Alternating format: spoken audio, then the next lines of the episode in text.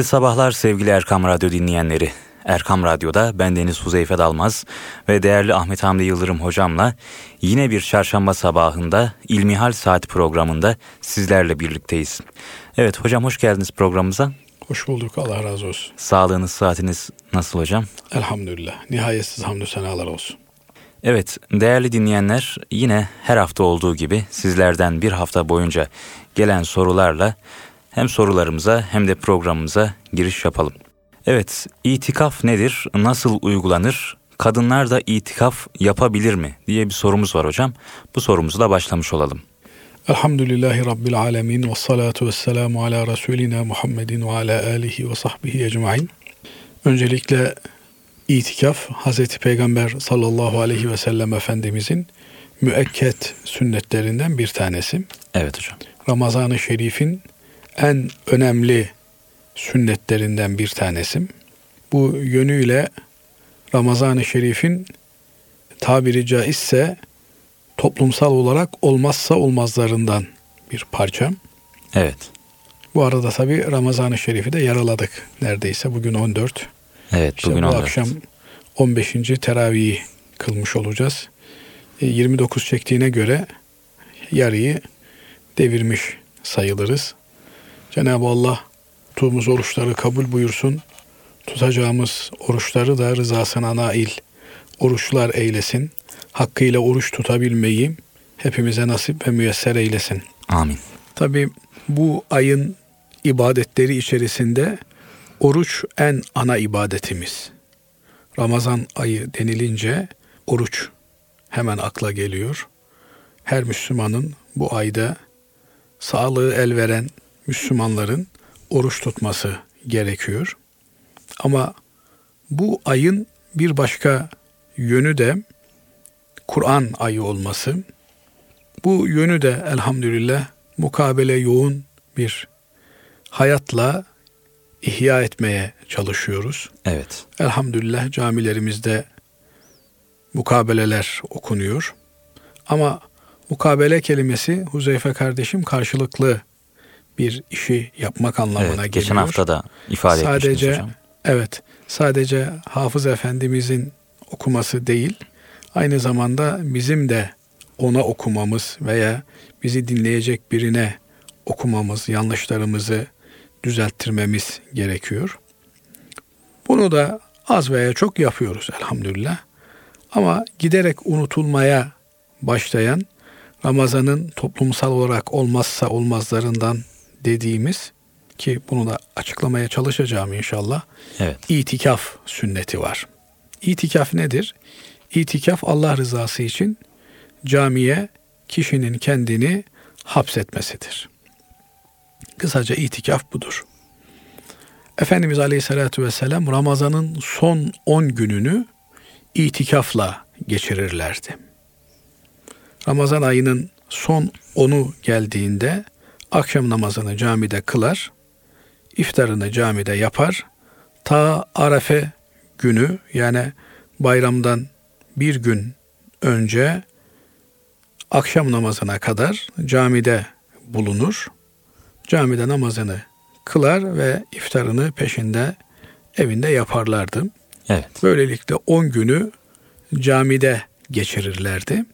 İtikaf kişinin kendisini camiye adaması, caminin içerisine hapsetmesi anlamına geliyor.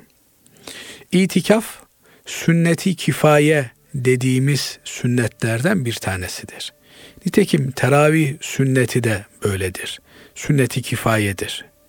Sünnet olarak müekket bir sünnettir.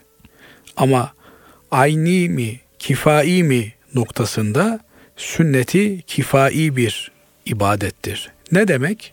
Ayni ne demek kifai? Sünneti ayni her Müslümanın bizzat şahsen yapması gereken sünnet demektir. Sünnet-i kifai ise aynen farz-ı kifayede olduğu gibi Müslümanlardan bir kısmının yapmasıyla diğerlerinin üzerinden sorumluluğun düşmesi anlamına gelir. Evet. Dolayısıyla eğer bir mahallede bir cami cemaatinin içerisinde itikaf sünnetini yerine getirenler varsa o mahalledeki Müslümanların üzerinden bu sünneti ifa etmemenin, edememenin sorumluluğu kalkmış olur. Ama bir mahalle ahalisinin tamamı, bir cami cemaatinin tamamı itikaf sünnetini terk ederlerse o zaman toplu olarak sünneti terk etmenin sorumluluğu terettüp etmiş olur. Bu yönüyle itikaf çok önemli bir sünnettir. Eğer şahsen itikafa giremiyorsak, itikaf niyetiyle Allah rızası için camiye kendimizi atamıyorsak, o zaman bu ibadeti, bu sünneti toplumsal olarak üzerimizden sorumluluğu kaldırabilecek bir takım kimselere tavsiye etmemiz, onların bu ibadeti yerine getirebilmeleri için gerekli imkanı ve kolaylığı onlara sağlamamız gerekir. Evet. Efendim ne bileyim adamın eğer dışarıda bir takım işleri meşguliyetleri varsa kardeşim ben onları senin yerine hallederim. Sen yeter ki itikafına rahat rahat gir bu ibadeti camide yerine getir diyerek kardeşlerimize bunu tavsiye etmemiz gerekir.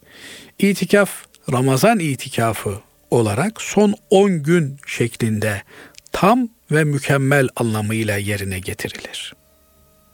Evet hocam. Ve itikafa girilecek olan caminin beş vakit namazın kılındığı, cuma namazının kılındığı camiler olması gerekir.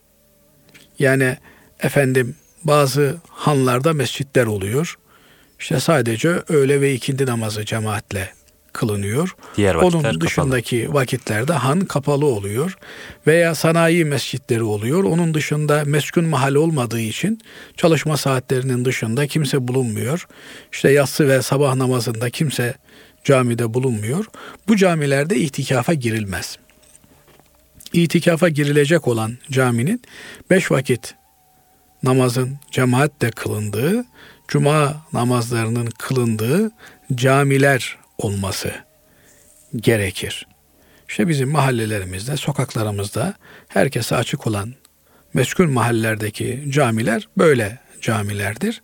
Buraya işte Ramazan'ın son 10 gününün akşamı girilir. Kişi yanında e, geceleri kullanacağı ihtiyaç malzemelerini getirir.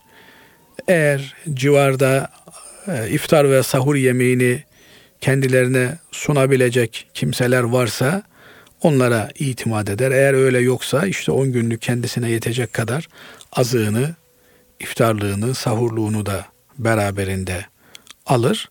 Böylelikle itikaf ibadetini yerine getirmiş olur.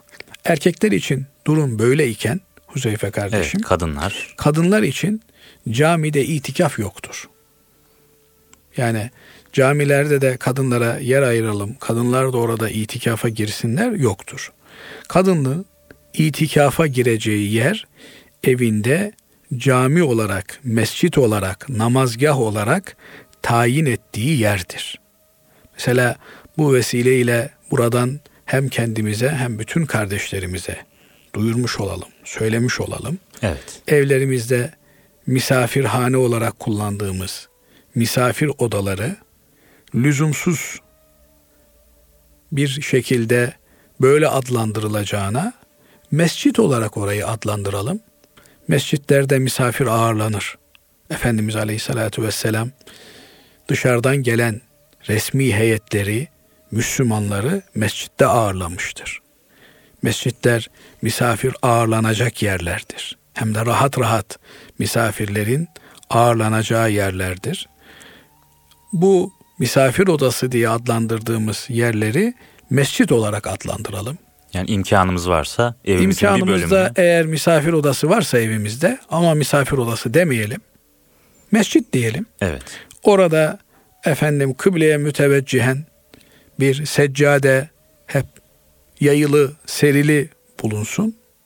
Namazlarımızı orada kılalım. Kadınlar namazlarını orada kılsınlar. İşte bir hanımefendi evinde itikafa girebilme imkanına sahiptir. Evinde mescit olarak tayin ettiği odada itikaf ibadetini yerine getirir. Eğer tek göz bir evi varsa o zaman o tek göz evin içerisinde namazgah olarak tayin ettiği alanı itikaf alanı olarak kullanır. Orada bulunur, namazını kılar, tesbihini çeker, Kur'an-ı Kerim'ini okur. Efendim dini kitaplar okur, ilmi hal okur, tefsir okur, hadis okur. Yani imkansızlık yok hocam. Eğer evde iki kişi itikafa girmişlerse dini konuları sohbet ederler. Birbirlerine dini konularda yardımcı olurlar. Dolayısıyla ibadet dolu bir on gün geçirmiş, yaşamış olurlar. Tabi itikaf kamil anlamda Ramazan'da oruçla beraber camiye kendimizi hapsetmemiz.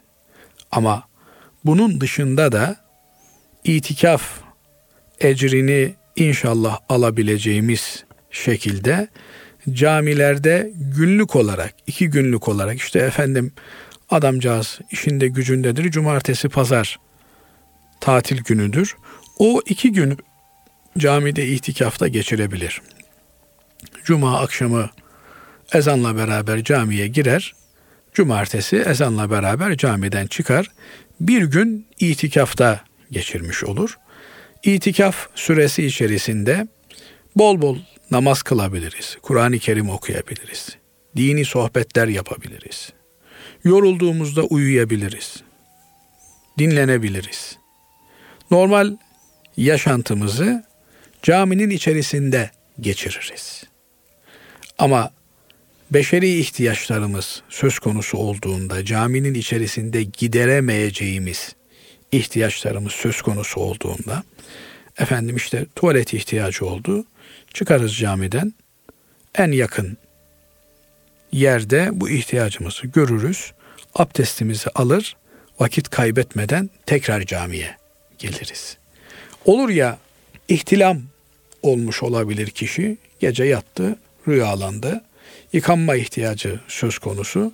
Yine camiden çıkarız, en yakın yıkanabileceğimiz yerde yıkanırız ve vakit kaybetmeden tekrar camiye döneriz. Böylelikle ibadet yoğun bir hayat camide geçirilmiş olur. Evet. Ama bu süre içerisinde dünyalık olarak dünya ile olan irtibatımızı asgariye indiririz. İşte e, ticari hayatımızı birine vekil tayin eder, onun üzerinden yürütürüz. Yoksa işte alacaklılar, borçlular camiye gelsinler, camide işte set, senet, çek vesaire filan hesabı yapmayız. Evet. Ee, ama bir misafirimizi yine camide ağırlayabiliriz. Yine onunla dini içerikli konular konuşabiliriz. Halını hatırını sorabiliriz.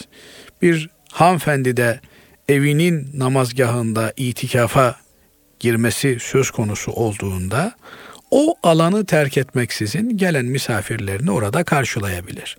İşte söz gelimi eğer misafir odası diye kullanılan odayı mescide çevirmişsek kadıncağız o misafir hane diye adlandırılan ve mescide çevrilen yerde misafirlerini ağırlayabilir. Ama o odadan dışarıya çıkmaz. Evet. Yani hoş geldiniz der, nasılsınız, iyi misiniz der. O odanın içerisinde onlarla görüşür. Bunun olabilmesi için de tabii evde başka hanımların vesairelerin, hizmet edenlerin olması gerekiyor. Böyle bir imkanı varsa özellikle de evin yaşlı hanımefendileri bu ibadeti ihmal etmemeliler. Zaten evin içerisinde. Evet. Yani evden dışarıya çıkmıyor. Çünkü Müslüman bir kadının çarşı pazar dolaşması, sokaklarda arzı endam etmesi çok da uygun bir şey değil. Müslüman bir kadının ne yapıp edip evini bir cennet bahçesine çevirmesi lazım. Huzur bulduğu, huzur dağıttığı asude bir liman haline getirmesi lazım. Evet hocam. Eğer bunu dünyada beceremezsek öbür tarafta çok hayıflanırız. Dolayısıyla hazır imkan varken evinde zaten yemek pişiyor. İşte evin annesi kızları büyümüştür. Veya işte gelini vardır vesaire vardır. Onlar bir kap yemeği mescide evde namazgah olarak tayin edilen odaya getirecekler. Yine ihtiyacı olduğunda tuvaletti, banyoyu da evin içerisinde onları giderme imkanı var. Dolayısıyla kadınlarımız için, hanımefendiler için evde itikaf çok kolay. Hiç olmazsa ne bileyim yani her binada bir hanım kardeşimizin bu itikaf sünnetini ihya etmesi. Efendim belki 10 gün hiç alışkın olmayanlar için zor gibi görülebilir ama hiç olmasa bir gece niyet etmeli. Yani evde mescit olarak ayırdığımız odayı bu amaçta kullanabiliriz. Orada ibadet yoğun bir hayat geçirmeyi tecrübe edebiliriz. Evet. İnşallah bu vesileyle bunu da hatırlatmış olalım. İmkanı olan efendim ne bileyim e, sorumlulukları bu yönde kendisine imkan tanıyan kimselerin bunu ihmal etmemeleri gerekiyor. Evet. Diğer bir sorumuz e, aslında bunu iftar sevinci programında e, Ramazan fıkı bölümümüzde e, sormuştuk ve cevaplamıştınız. E, yine biz burada soralım çünkü önemli bir soru. İnsanlar terleyebiliyor Ramazan'da. Onun için deodorant kullanmak zaruri oluyor. E, deodorant kullanmak orucu bozar mı diye bir sorumuz var. E, birinci bölümümüzün de sonuna yaklaştık. İki dakikamız var, iki üç dakikamız. Bu iki üç dakika içinde cevaplarsanız iyi olur hocam. Evet, deodorant kullanmak orucu bozmaz. Ancak deodorantın içerisinde eğer alkol gibi maddeler varsa bunları tercihen kullanmamak gerekir. Onun yerine Müslümanlar sık sık yıkanmayı, temizlenmeyi tercih etmeliler. Evet. Biliyorsunuz Uzeyfe kardeşim deodorant var olan pis kokuları bastırma amacıyla Tabi temizlemiyor, bastırıyor. icat edilmiş olan bir koku gidericidir. Dolayısıyla asıl olan pis kokuyu bastırmak değil, o kokuyu kaynağında kurutmak, temizlenmek, paklanmaktır. Bu yönüyle Müslüman günde beş vakit abdest alan, temizlenen bir insandır. Günlük olarak da elhamdülillah artık imkanlarımız var. Bu yönde temizliğimizi yapmamız ve elbette toplum içerisine kimseyi rahatsız etmeyecek bir vaziyette çıkmamız gerekiyor. Hatta Efendimiz Aleyhisselatü Vesselam namazın en temel öğesi olan cemaati eğer bir koku söz konusu ve diğer cemaat bundan rahatsız olacak durumda ise cemaati bırakmamızı bizlere söylüyor. Yani sizden kim soğan sarımsak yemişse diyor namazgahımıza, mescidimize yaklaşmasın. Soğan sarımsak haram olan şeyler değil. Bunlar gayet sağlıklı, yenilmesi gereken, helal olan maddeler. Evet. Ama eğer cemaate katılacaksan bunları yememen lazım. Efendim işte teravih namazları özellikle iftarda ağır bir takım yemekler yeniliyor ve peşinden de teravih namazına bir takım kokular taşınıyorsa burada diğer Müslümanların, insanların rahatsız olmaları söz konusudur. Bu durumda ya dikkatli olmak gerekiyor veya da bu kokuları gidermek için efendim gül yağı, gül suyu gibi, misk gibi, ut gibi Müslümanın tercih edebileceği sünnette de olan kokuları tercih etmek lazım. Bunları da tabi aşırı bir derece kullandığımızda rahatsızlık verebiliyor. Evet. Bunun ölçüsünü iyi ayarlamak gerekiyor. Kimseyi rahatsız etmeye hakkımız yok. Kendi huzurumuz için, kendi rahatımız için başkasına rahatsızlık vermek asla bir Müslüman ahlakıyla bağdaşmaz. Bu yönüyle hem kendimizin rahat olacağı hem de etrafımızdaki insanların rahat edecekleri şekilde davranmamız, giyinmemiz, kokumuza vesairemize dikkat etmemiz gerekiyor. Evet, teşekkür ediyoruz hocam. Ben teşekkür ederim. Değerli dinleyenler, Erkam Radyo'da bendeniz Huzeyfe Dalmaz ve değerli Ahmet Hamdi Yıldırım hocamla İlmihal Saat programımıza kaldığımız yerden devam ediyoruz. En son deodorant kullanmak orucu bozar mı? sorusunu cevaplamıştı hocamız. Şimdi diğer bir soruya geçiyorum. Ramazanda oruçluyken gündüzü uyuyarak geçirmenin oruca zararı var mıdır diye bir sorumuz var hocam. Buyurun. Evet Ramazan Müslüman için ibadet yoğun geçirilmesi gereken bir zaman dilimi, bir kazanç mevsimi. Evet. Dolayısıyla böyle bir kazançlı mevsimi uyuyarak geçirmek doğru değil. Ama bu ibadetin sıhhatine mani bir durum mudur? Orucun sıhhatine geçerli oluşuna mani midir? Değildir.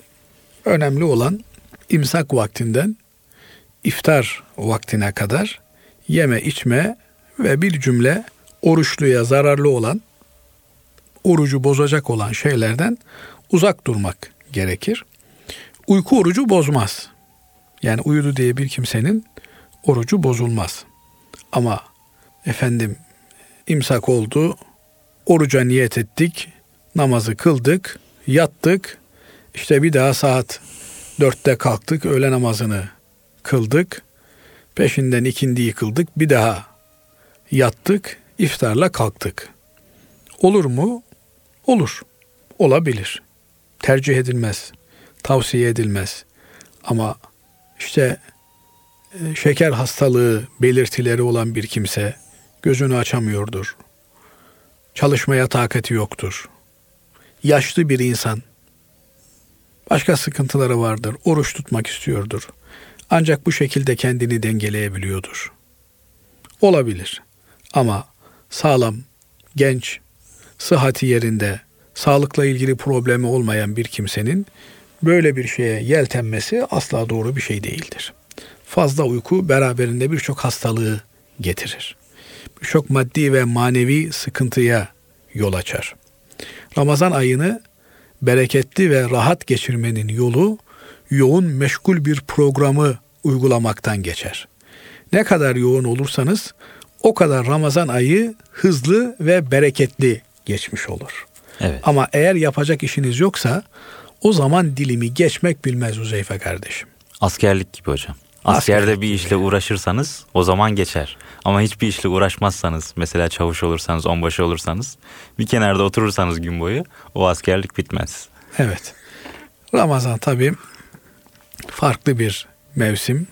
Bu mevsimi ibadet yoğun programlarla geçirmemiz lazım. Yani günlük virtlerimizin olması lazım. 200, 300, 500 Kur'an-ı Kerim okuyacağım diye kendini insanın programlaması lazım. Şu kadar kitap okuyacağım, şu işi yapacağım, bu işi yapacağım diye. Belki e, eğer 15 saat oruç tutuyorsak 17 saatlik bir program yapmamız gerekir. Ki iftar vakti olduğunda ya ne çabuk bu iftar oldu benim daha yapacak çok işim vardı dememiz gerekir. Böylelikle hem sağlıklı bir oruç tutmuş oluruz hem de ya oruç tutmanın verdiği stresi işte yani yemiyorsun, içmiyorsun bunları atlatmış oluruz. Ama boş işlerimiz söz konusu olursa, avarelik mevzu bahis olursa o zaman hakikaten o saatler geçmez. İnsan her daim yeme ve içme fikrine mağlup olur, mahkum olur. Bu yönüyle de ne tuttuğu orucun tadını hissedebilir ne de vakit geçmek bilir. Bu yüzden uykuyla zamanı geçirmek yerine aksine pür uyanık yapmamız gereken şeyleri yaparak bu ibadet mevsimini değerlendirmemiz gerekiyor. Ama başta da söylediğimiz gibi olur ya bir insan rahatsız olur, başı ağrıyordur. Efendim bir sıkıntısı vardır. Bundan sebep yatmıştır. Uyumak, yatmak orucu bozmaz. Evet. Kefareti gerektiren durumlar nelerdir diye bir sorumuz var hocam. Bunu da cevaplayalım inşallah. Evet teker teker e, belki Ramazan fıkı süresi içerisinde bunları konuştuk ama ana hatlarıyla kefareti gerektiren şeyler nelerdir diye konuşacak olursak kasıtlı olarak yemek, içmek ve cinsel ilişkide bulunmak orucu bozduğu gibi kefareti doğurur. Evet. Dolayısıyla bunun dışında bir mecburiyete binaen hata ile efendim yeğilip içilmesi orucu bozsa da kefareti gerektirmez. Hocam kefaret ne demektir? Kelime anlamı. Kefaret kefere örtmek demektir. Evet. Nitekim kafire kafir denilmesinin sebebi de Allah'ın varlığını, birliğini örttüğü, inkar ettiği içindir. Evet. Hatta kefere de denir. Yani çoğulu kefere gelir ama fiil olarak kefere yekfuru küfren örtmek demektir. Bu yönüyle çiftçiye de kafir lugat itibarıyla denilebilir. O da tohumu toprağa gömdüğü, sakladığı için. Evet. Yani Kur'an-ı Kerim'de de bu ifade Fetih suresinde kullanılmaktadır. Cenab-ı Allah bir e, mecaz anlatır son sayfada. Acebel küffara nebatuhu. Küffar yani ziraatçiler o bitkinin bitişine hayran kalırlar diye böyle bir mecazi ifade detaylara girmeyelim. Hı hı. Dolayısıyla kafir demek örtmek demektir. Kefaret de örtücü cezai müeyyideler anlamına gelir. Yani bir kusur işlemişsiniz, bir kabahat işlemişsiniz, bir günah işlemişsiniz. O günahı örten, kapatan cezai müeyyide anlamına gelir. Bu yönüyle bir suçun kefaretinin olması onun kapanabileceği, bağışlanabileceği anlamına gelir. Ki bazı suçların kefareti yoktur. Onlar kapanması mümkün olmayan suçlardır. Mesela şöyle bir şey söylenir. Buna da buradan dikkatleri çekmiş olalım. Evet. Efendim Ramazan günü oruca niyet etmezsen gününe gün kaza edersin. Niyet etmediği için kefareti yoktur. Doğru. Ama niye yoktur kefareti? Çünkü bu öyle bir cinayettir ki, öyle bir günahtır ki, öyle bir suçtur ki bunu örtebilecek bir ceza-i müeyyide yoktur. Yani kasıtlı olarak Ramazan günü oruca niyet etmemek demek, örtülmesi, kapanması, affedilmesi adeta imkansız olan bir suçu işlemek anlamına gelir.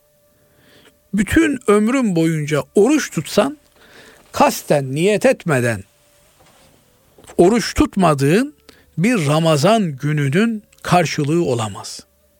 Bu yönüyle çok dikkatli olsun. Bizim kardeşlerimizin böyle bir şey yapmayacağı elbette aşikar. Ama etrafımızda bazen mesela işte çocuğun imtihanı var yarın niyet etmeyecek. Ramazan gününde niyet etmemek diye bir şey olmaz. Ramazanın niyeti zaten Ramazan kendi gelmekle beraber niyeti oluşmuştur. Yani her gün ekstra bir niyet yapmanıza gerek yok. Sahura kalktınız zaten niyet ettiniz. Ramazan geldi zaten niyet geldi. Ama yarın oruç tutmamaya niyet etmek. Bu öyle bir cinayettir ki bunun telafisi yok. İmtihanı kaybedersin, seneye bir daha imtihan olursun. Telafisi var. Efendim ne bileyim şu işi yapmazsın, kaçırırsın, telafisi var seneye olur, öbür sene olur. Ama kasten Ramazan ayında bir gün oruç tutmamaya niyet etmenin kefareti yok. Bu yönüyle kefaret örtücü, kapatıcı, affettirici bir cezai müeyyide demektir ki Ramazan ayında Ramazan orucuna niyet etmiş olan bir kimse öyle bir gaflet anına denk geldi. Bir bardak su içti. Evet. Kefareti gerektirir. Yani gaflet anına geldi derken unutarak değil. Yani karşısındaki adam içiyordu sen içersen ben de içerim dedi. Ha, o zaman kefaret gerekir. Kefaret gerekir. Ne yapacak? Ramazan ayından sonra 60 gün peş peşe ara vermeksizin oruç tutacak. Böylelikle o bir günün açtığı yarayı, gediği kapatmaya çalışacak. İnşallah Cenab-ı Allah affeder, bağışlar. Evet. Ama bir sıkıntısı var. İşte ne bileyim dayanılmaz bir baş ağrısı oluşmuş. Başka türlü de giderememiş, almış bir hap içmiş. Efendim kusmuş az bir miktar, orucun bozuldu zannetmiş, yemiş. Bu tür şeylerde gününe gün kaza gerekir. Bir şeyi daha burada yeri gelmişken hatırlatalım. Buyurun hocam. Ramazan ayı oruç ayıdır. Dolayısıyla bu ayda bütün Müslümanların oruçlu olmaları gerekir. Bunun içerisinde oruç tutmaya mani durumu olan kadınlarımız, hasta olanlarımız, yolcu olanlarımız eğer Ramazan ayı içerisinde oruç tutmuyorlar ise oruç tutmadıklarını ifşa etmemeleri gerekir. Gizliden gizliye yeme içme ihtiyaçlarını giderirler. Evet. Yine aynı şekilde gününe gün kaza edecek şekilde orucu bozulmuş olan kimse mesela abdest alırken yanlışlıkla suyu fazla kaçırdınız ağzınıza suyu yuttunuz. Orucunuz bozuldu. Aa tamam orucum bozuldu diye o kuru sofrayı var mı başka arkadaşlar orucu bozulan gelin beraber işte ziyafet yapalım. Yok. Oruç bozulsa da o oruca devam ediyoruz. İftara kadar orucumuzu aynen muhafaza etmeye gayret ediyoruz, çalışıyoruz. Ramazandan sonra o günü not etmişiz. Ya Rabbi işte 1436'nın 17. Ramazanının 17. günü oruç tutamamıştım. O onun kazası niyetiyle bugün oruca niyet ettim diyerek işte Zilkade'de, Zilhicce'de imkan bulduğumuz ilk anda ivedilikle bu orucumuzu kaza ediyoruz. Evet. Hazreti Peygamber sallallahu aleyhi ve sellem Ramazan ayını nasıl değerlendirirdi diye aslında güzel bir soru. Örnek alınması açısından da hocam. Peygamber Efendimiz Ramazan ayını nasıl geçirirdi? Evet Efendimiz Aleyhisselatü Vesselam Ramazan ayını nasıl geçirirdi? Elbette Ramazan ayı kulun Allah'a en yakın olduğu mevsimlerden bir mevsim. Namaz yoğun, oruç yoğun, ibadetin olduğu bir mevsim. Efendimiz Aleyhisselatü Vesselam bu ayı gündüzünü oruçlu, gecesini namazlı geçiren ve mükafatını Allah Teala'dan başka kimseden beklemeyen kimselerin gelmiş geçmiş bütün günahları affolunur diyor. Efendimiz Aleyhisselatü Vesselam bu ayı sadece bildiğimiz oruç ve namaz ibadetiyle değil, sosyal ibadetler açısından da yoğun bir şekilde yaşıyordu.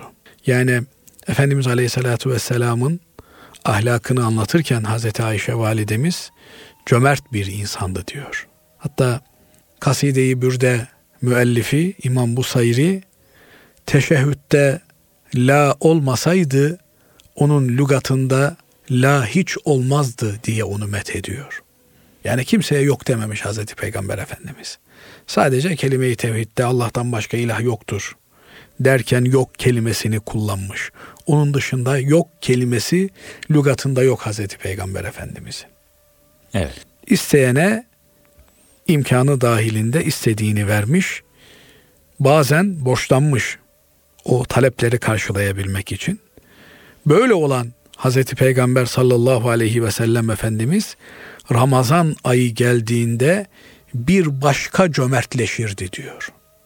Yani cömertliğini katlardı diyor. Artık bunun ötesinde nasıl cömertlik olur? Ama artık o ayın gelmesi hürmetine o kadar Efendimiz Aleyhisselatü Vesselam sevinir.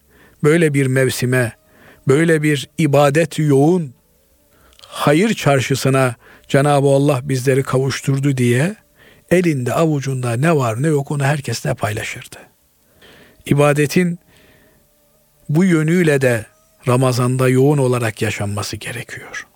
Evet. Yani sünnete uygun iftarların, açları, fakirleri yedirmenin olması gerekiyor. Öyle yedirme derken beş yıldızlı otellerde işte bir kuş sütünün eksik olduğu, zenginlerin birbirlerini davet ettikleri, işte ben filanı davet ettim, e o da beni davet etsin. Beklentisi içerisinde bir davetle değil. Hakikaten ev ortamına hasret, belki talebeleri çağırmak suretiyle, garip kurabayı çağırmak suretiyle, evinde işte pişirecek aşı olmayan kolu komşuyu düşünmek suretiyle onlara yönelik iftar programları yapmak lazım. Orada da böyle bir e, lüks yarışı içerisine girmemek lazım. Yani sade, maksadı tahsil edici, tekellüften uzak ki bu tekellüf kelimesi çok önemlidir. Hocam? kardeşim. Tekellüf lüzumsuz bir zahmete girmek demektir. Yani bizim Müslüman kültürümüzün olmazsa olmaz parçası ikramdır, davettir, yemek yedirmektir. Ama bu öyle ön hazırlıklarla yapılan bir yemek yedirme değildir. Alırsın, yoldan geçiyordun, bir arkadaşına rastladın, hadi bu akşam beraber evde iftar edelim. Gidersin evde ne varsa, Allah ne vermişse. Hani öyle bir güzel değişimiz var ya bizim misafir umduğunu değil, Bulduğum bulduğunu yer. yer. diye. Bulduğunu yemek. Evde tuzun yoksa yan komşudan tuz istemek bile doğru değil diyor alimlerimiz. Yani olanı vereceksin ya. Evet. Yok evde tuz. Yan komşudan istemeyeceksin diyor.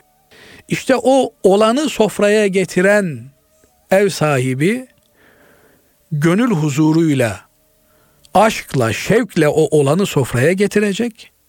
O misafir de o sofraya geleni cennet taamı diye aşkla, şevkle yiyecek. Rabbim ki o sofrayı bereketlendirir hocam. Amenna. Bakın burada sofraya getirdiğini az, yetersiz, ayıplanacak gören ev sahibinin mi? Yoksa sofraya geleni ayıplayan, az gören, yetersiz gören misafirin mi günahı daha çoktur diye hocalarımız aralarında tartışmışlar.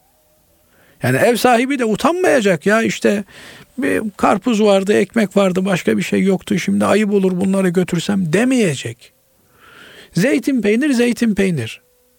Yani önemli olan bir oruçluya iftar ettirmek. Evet. Bunun işte kebaplarla olmasıyla ne bileyim ekmek sirkeyle olması arasında bir fark yok. Burada önemli olan o verilenin ihlasla verilip verilmediği, Allah için verilip verilmediği, onun içerisine beğensinler, desinler, aman ne güzel oldular şeklinde methü senalar olmamalı. Böyle bir beklenti taşımamalı. Benim elimden bu geldi. Rabbim kabul etsin. Veren Allah. Allah her şeyimizi biliyor. Dolayısıyla Allah'ın bildiğini kula karşı örtmeye çalışmak hiç akıllıca bir şey değil. Elbette olanı vereceğiz, olanı da saklamayacağız. O da doğru bir şey değil. İşte efendim e, baklava alıp gelmiştin, misafir geldi. Artık onun rızkı. Paylaş. Onunla paylaşacaksın. Çoluk çocuğunla da paylaşacaksın. Yani çoluk çocuğunu mahrum ederek de misafiri yedirmeyeceksin. O dengeyi kuracaksın. Allah ona bereketini verir. Böyle olunca kimse misafir ağırlamaktan yüksünmez. Evet. İsterse günde 100 tane misafir gelsin. Ne vardı? Zeytin peynir vardı. Çay yaparsın buyurun. Hep beraber yiyelim. Ama işte bir hafta öncesinden ağır hazırlıkların içerisine girilince evdeki kadınlar da haklı olarak misafir kabul etmekten iştinab ediyorlar. Böylelikle onlar da günaha girmiş oluyorlar. Dolayısıyla acil olarak bu şeyden kurtulmamız lazım.